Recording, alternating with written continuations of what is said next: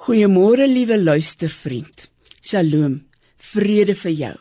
Ons is besig om te kyk na geleenthede in die Bybel waar mense uit die dood opgewek is en wat dit vir ons in ons eie lewens beteken.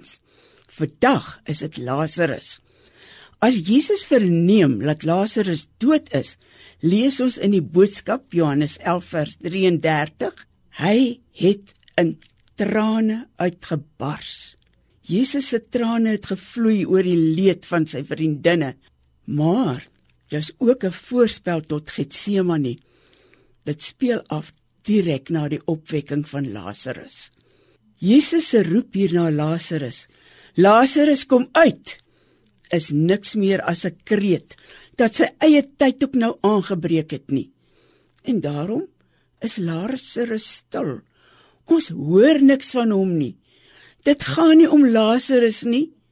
Dit gaan om Jesus sodat die mense in hom sal glo. Daarom sentreer Jesus se gesprekke met Maria en Martha net om twee sentrale boodskappe. Ek is die opstanding en die lewe. Wie in my glo, sal lewe al het hy ook gesterwe. En elkeen wat lewe en in my glo, sal in ewigheid nooit sterwe nie.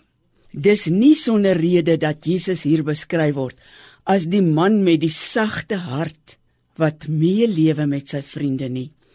Dit gaan oor Jesus se omgang met mense, regte mense soos jy en soos ek. Mense met hulle gevoelens. Hy tree met medelee in ons lewe. Hy huil as ons huil en hy lag as ons lag. Wat Johannes vir ons wil sê is dat Jesus meer doen as net om self aan ons wonde te kom smeer en saam met ons te kom huil.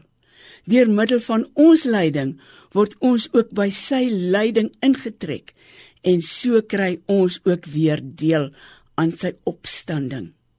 Ons trane meng met sy trane en ons graf word sy graf.